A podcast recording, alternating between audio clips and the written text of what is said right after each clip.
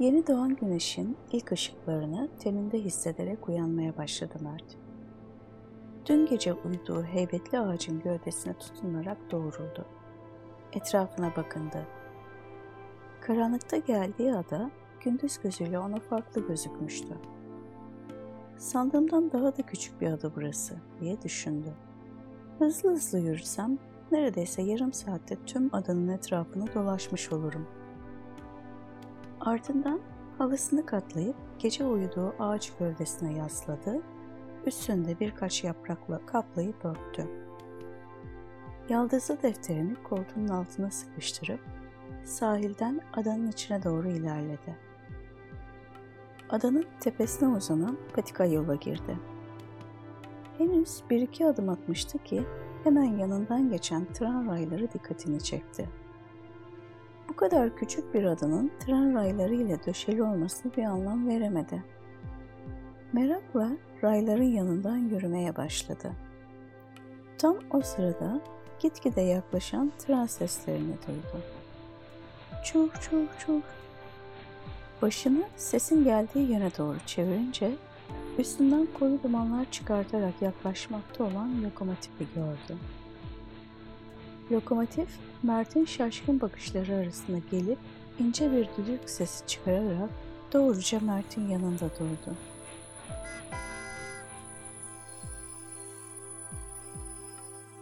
Yavaşça açılan kapısında boyu Mert'in boyuna yakın, kırmızı saçları dağınık, üstünde birkaç beden büyük gelen tuhaf üniformasıyla oldukça komik görünen bir makinist belirdi. Adamıza hoş geldiniz deyip eğilerek abartılı bir biçimde Mert'i selamladı. Mert'in konuşmasına fırsat vermeden vagonun kapısını açtı ve Mert'i içeri davet etti. Siz misafirimize adamızı gezdirmek, tanıtmak isterim dedi. Mert önce bu tek vagonlu lokomotife, sonra da makiniste şaşkın şaşkın baktı. Makinist Mert'in duraksaması karşısında ''Hmm, anlıyorum. Sanırım daha önce hiç buharlı trende yolculuk yapmadınız.'' dedi. ''Ama çok hoşunuza gideceğinizden hiç kuşkunuz olmasın.'' diye de gülerek ekledi. Normal bir zamanda olsa Mert buharla çalışan bir treni çok ilginç bulurdu muhakkak.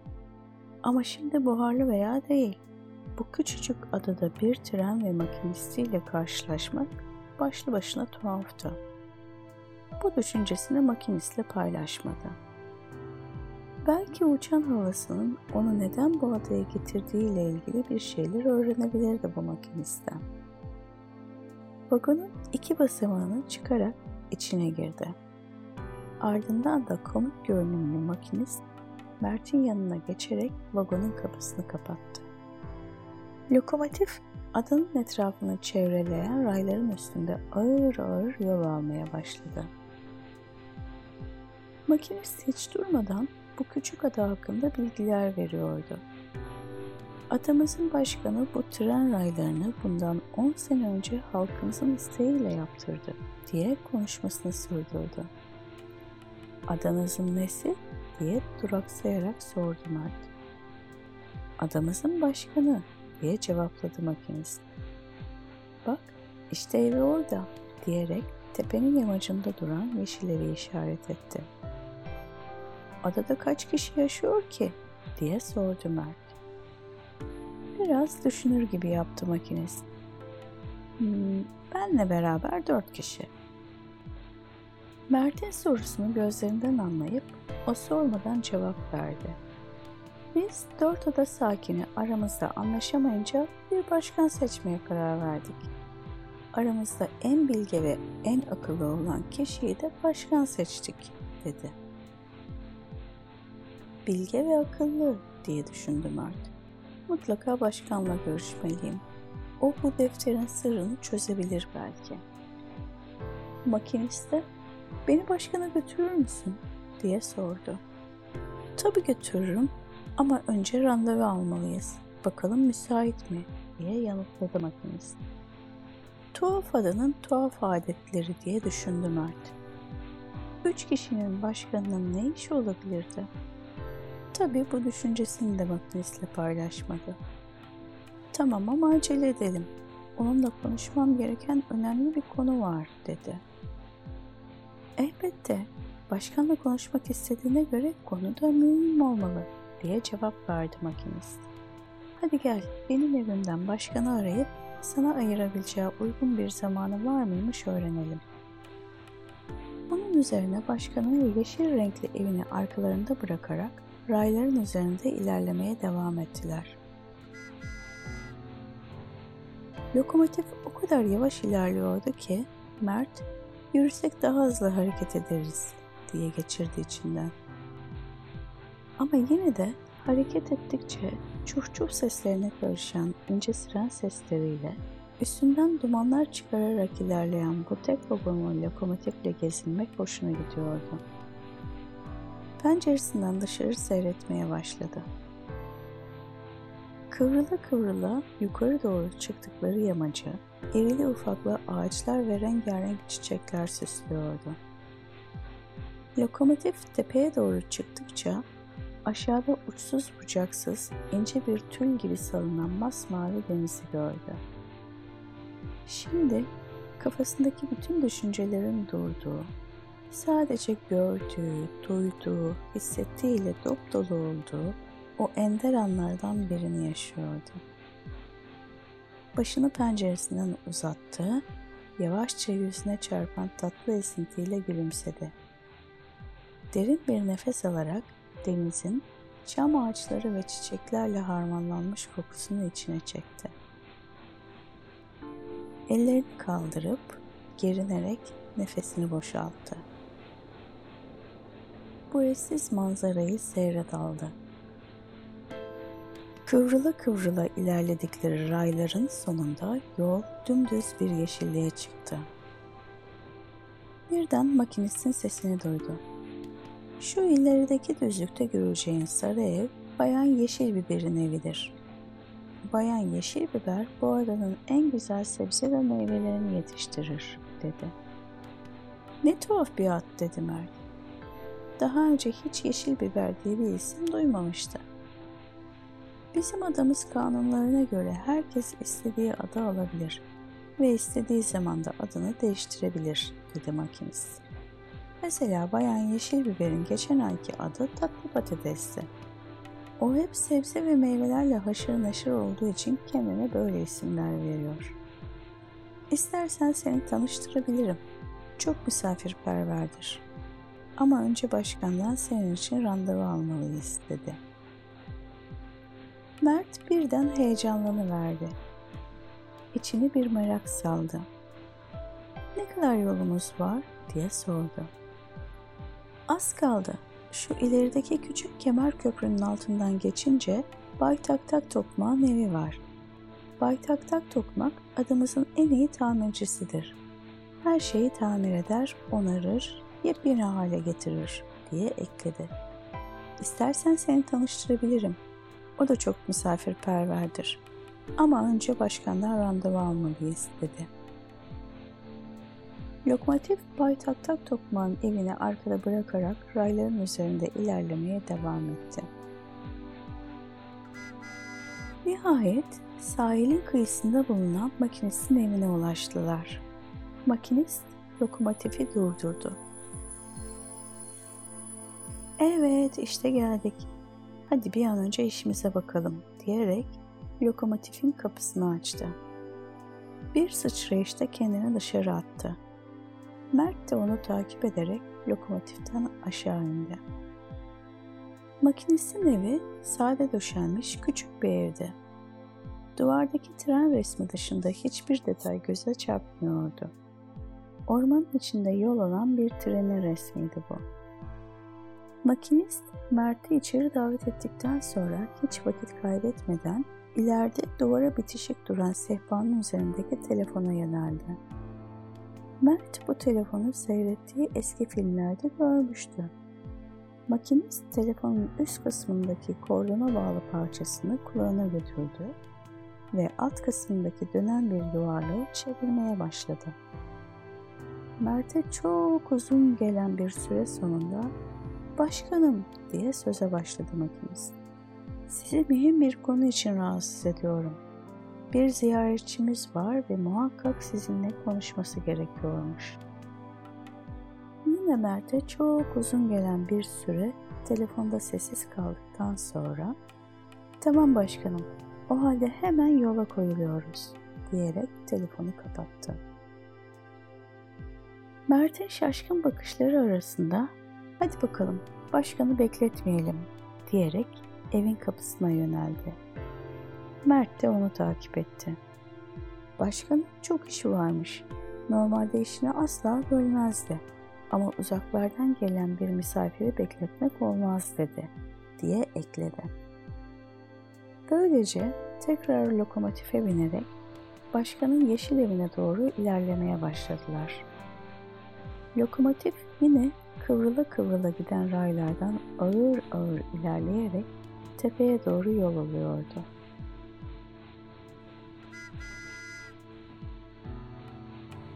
Mert elinde yaldızlı defteri sıkıca kavrayarak kafasından başkalarına söyleyeceklerini geçiriyordu.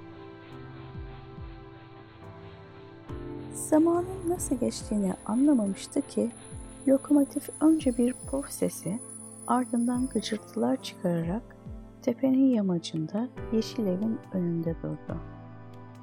Mert daldığı düşüncelerden sıyrılarak pencereden dışarı baktı. Ev denize bakan bir yamacın üzerine kurulmuştu. Önden küçük gibi görünen iki katlı ev arkaya doğru genişliyordu. Makinist çoktan dışarı çıkmış, ceketi ve pantolonu gökyüzü mavisi renginde olan biriyle konuşuyordu. Bu adam başkan olmalı diye düşündü Mert. Son derece neşeli, konuşkan birine benziyordu bu başkan. Sıcak bir karşılamayla Mert'i içeri davet etti. Evin salonundaki büyük gri koltuğu işaret ederek ''Hadi otur, duydum ki anlatacakların önemliymiş. Bakalım sana yardımcı olabilecek miyim?'' dedi ve koltuğun diğer tarafına oturdu. Mert başkana yaldızlı defteri uzattı.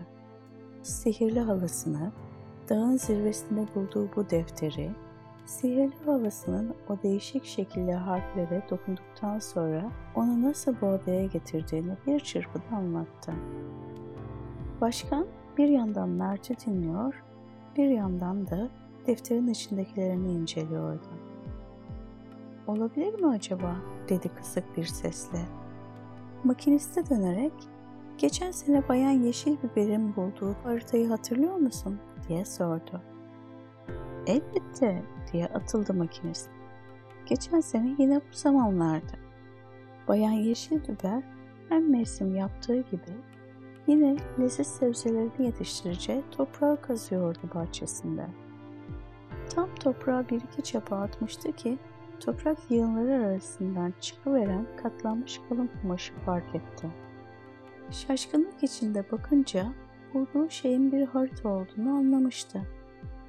İçinde tuhaf simgelerin, şekillerin yer aldığı kumaş üzerine resmedilmiş bir haritaydı bu. Nerenin haritasıydı? Bu şekillerin bir anlamı var mıydı? Tüm ada sakinleri ki hepi topu dört kişi, başkan, bayan yeşil biber, bay tak tak tokmak ve makinist bahçeye haritayı sermişler, dört bir yanına geçip incelemişler uzun uzun fikir yürütmüşler ama bir sonuca varamamışlar, bir anlam çıkaramamışlardı. Bu defterdeki şekillerle harita arasında muhakkak bir bağlantı olmalı. Hemen Bayan Yeşil Biber'i arayıp onu buraya çağırmalıyız. Umarım o haritayı iyi bir yere saklamıştır da kaybolmasına müsaade etmemiştir, dedi makinist endişeli bir ses tonuyla ve Bayan Yeşil Biber'i aramak için yerinden kalktı. Başka? Dur dedi makiniste.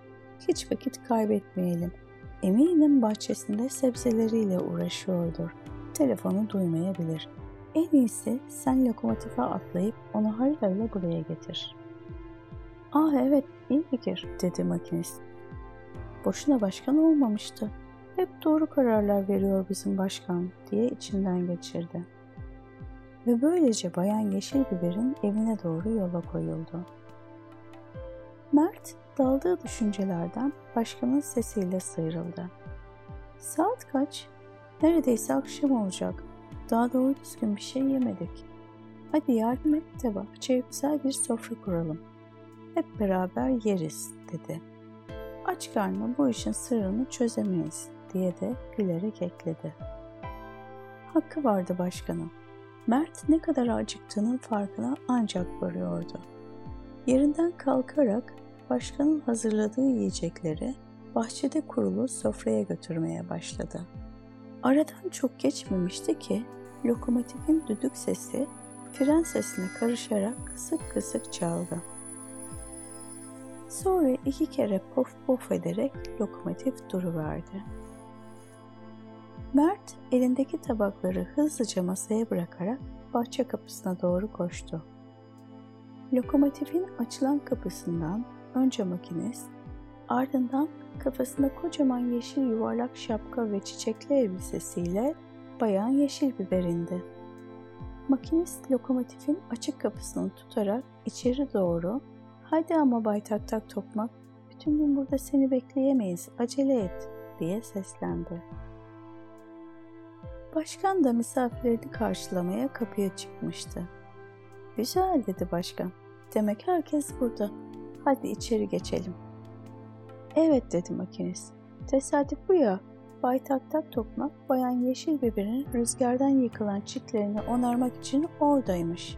İkisine de durumu anlatınca hiç vakit kaybetmeden hemen yola koyuldu. Ya harita? Onu da aldınız mı? diye sordu Mert. Bayan Yeşil Biber yanında getirdiği sepeti masaya koydu ve elini içine soktu. Ama Mert'in umutla parlayan yüz ifadesi uzun sürmedi. Bayan Yeşil Biber sepetin içinden habire bahçesinden toplayıp getirdiği envai çeşit meyveyi, sebzeyi masaya bırakıyordu. Mert'in sabırsızlığı giderek artmaya başlamıştı. Ona çok uzun gelen bir zamandan sonra nihayet elini sepete son daldırışında katlanmış kalınca bir kumaş gördü. İşte burada dedi bayan yeşil biber. Bakabilir miyim diye sordu Mert.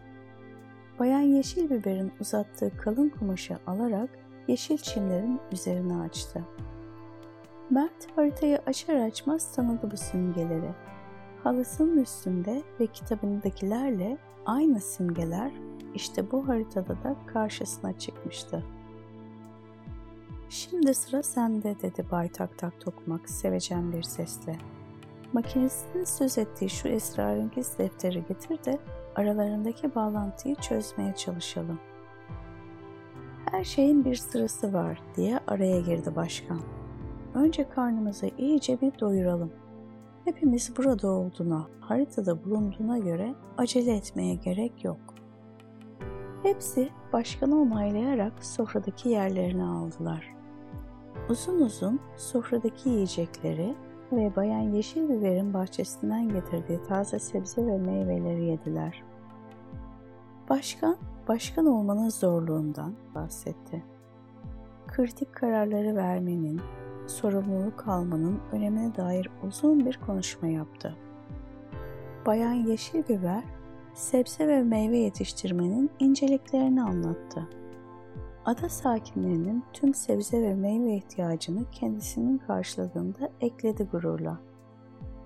Bay Tak Tokmak, ada sakinlerinin tamirat işlerinin bitmediğinden, neredeyse başını kaşıyacak vaktinin olmadığından bahsetti. Makinist de adadaki tek ulaşımın kendisine baktığını, bazen iki kişi aynı anda bir yere gitmek isterse ne kadar zorlandığını, çok sevdiği lokomotifin bakımının ne kadar vaktini aldığını anlattı. Mert keyifle dinledi onları. Bu adanın insanları biraz tuhaftı ama sevmişti onları. Hepsi yaptığı işi seven, mutlu, yardımsever, arkadaş canlısı insanlardı. Mert de özellikle hikayesini ilk defa dinleyen Bayan Yeşil Biber ve Bay Tak Tak Tokmağ'ın şaşkın bakışları arasında tüm detaylarıyla yeniden anlattı başından geçenleri. Ardından ayağa kalktı ve çimlerin üzerine serili haritanın kenarına çömelerek incelemeye başladı. Kumaştan haritada yan yana çizilmiş ve neredeyse eşit bir şekilde tüm kumaşı kaplayan iki büyük yuvarlak vardı. Bu yuvarlak şekillerin içinde de dağları, nehirleri, ovaları, denizleri, coğrafi bir takım özellikleri temsil eden çizimler yer alıyordu. Bu çizimlerin üstünde de defterindekine benzer simgeler, semboller vardı. Mert bir yandan defteri inceliyor, bir yandan da haritaya bakarak aradaki bağlantıya dair bir ipucu arıyordu. Deftere defalarca bakmıştı. Benzer simgeler, semboller, yazılar vardı ama bunlardan bir anlam ya da izleyeceği bir ipucu çıkaramıyordu. Biraz durmaya karar verdi. Defterini sayfaları açık biçimde haritanın ortasına bırakarak ayağa kalktı. Yavaşça gerindi. Oturmaktan uyuşan kolunu bacağını gevşetti. Ardından olduğu yerde haritaya doğru şöyle bir baktı. Sonra bir daha baktı. Sanırım bir şey buldum diye haykırınca diğerleri de merakla Mert'in etrafına toplandılar. Bakın dedi parmağıyla haritanın ortasına duran defteri işaret ederek. Defterdeki sembollerle haritadakiler nasıl da birbirini tamamlıyor. Hepsinin gözü defterin haritanın üzerine yerleşmesiyle apaçık biçimde beliri veren desendeydi. Şaşkınlığının üzerinden atan makinist, bu desenin kapıldığı yer dağlarla, denizlerle ve kocaman bir ormanla çevrili. Acaba bizim adamız da burada bir yerlerde olabilir mi? diye sordu. Başka? Bu çok mantıklı deyince hep beraber haritadaki denizin ortasından minik bir kara parçasını aramaya koyuldular. Çok geçmeden Bay Tak Tak Tokmak denizin içinde noktadan biraz daha büyük çene bir karaltıyı işaret etti. İşte bu haritaya göre adamız burası olmalı dedi. Bayan Yeşil Biber ancak bizimki kadar küçük bir ada böyle çizilir diyerek Bay Tak Tokmağı onayladı. Mert eliyle harita üzerinde yer alan bu minik adanın ilerisinde sembollerin izlediği yolu takip etti. İşaretler kocaman bir ormana kadar götürüyordu onu. Mutlaka gidip böyle bir orman var mı görmeliyim dedi. Böylece kafa kafaya verip haritaya göre ormanın yer aldığı konumu belirlediler. Mert'in yeni rotası belli olmuştu artık. Bu arada çoktan akşam olmuş, hava kararmaya başlamıştı. Hepsi için çok uzun ve yorucu bir gün olmuştu. Günün yorgunluğunu bedenlerinde ve zihinlerinde hissediyorlardı. En nihayet elle tutulur bir şeyler bulduğumuza göre artık dinlenebiliriz dedi başkan. Hiçbirinin bu fikre itirazı yoktu. Makinist, öyleyse ben herkese evlerine bırakırım dedi esneyerek. Ben de misafirimize bu gece kalacağı odayı göstereyim dedi başkan. Başkan ve Mert makinisti, Bayan Yeşil Biberi ve Bay Tak Tak uğurladılar. Sonra başkan Mert'e misafir odasını gösterdi. Misafir odası fazla eşyası olmayan ferah, tertemiz bir odaydı. Mert odaya göz atarken Başkan Mert'e iyi geceler dileyip onu yalnız bıraktı. Mert çok da oyalanmadan pencerenin hemen yanında yer alan yatağa uzandı. Yatak yumuşacıktı. Yastığı, örtüsü tam da Mert'in sevdiği gibiydi. Mert bu yumuşacık yatağa uzanınca ne kadar yorulmuş olduğunu daha da iyi anladı.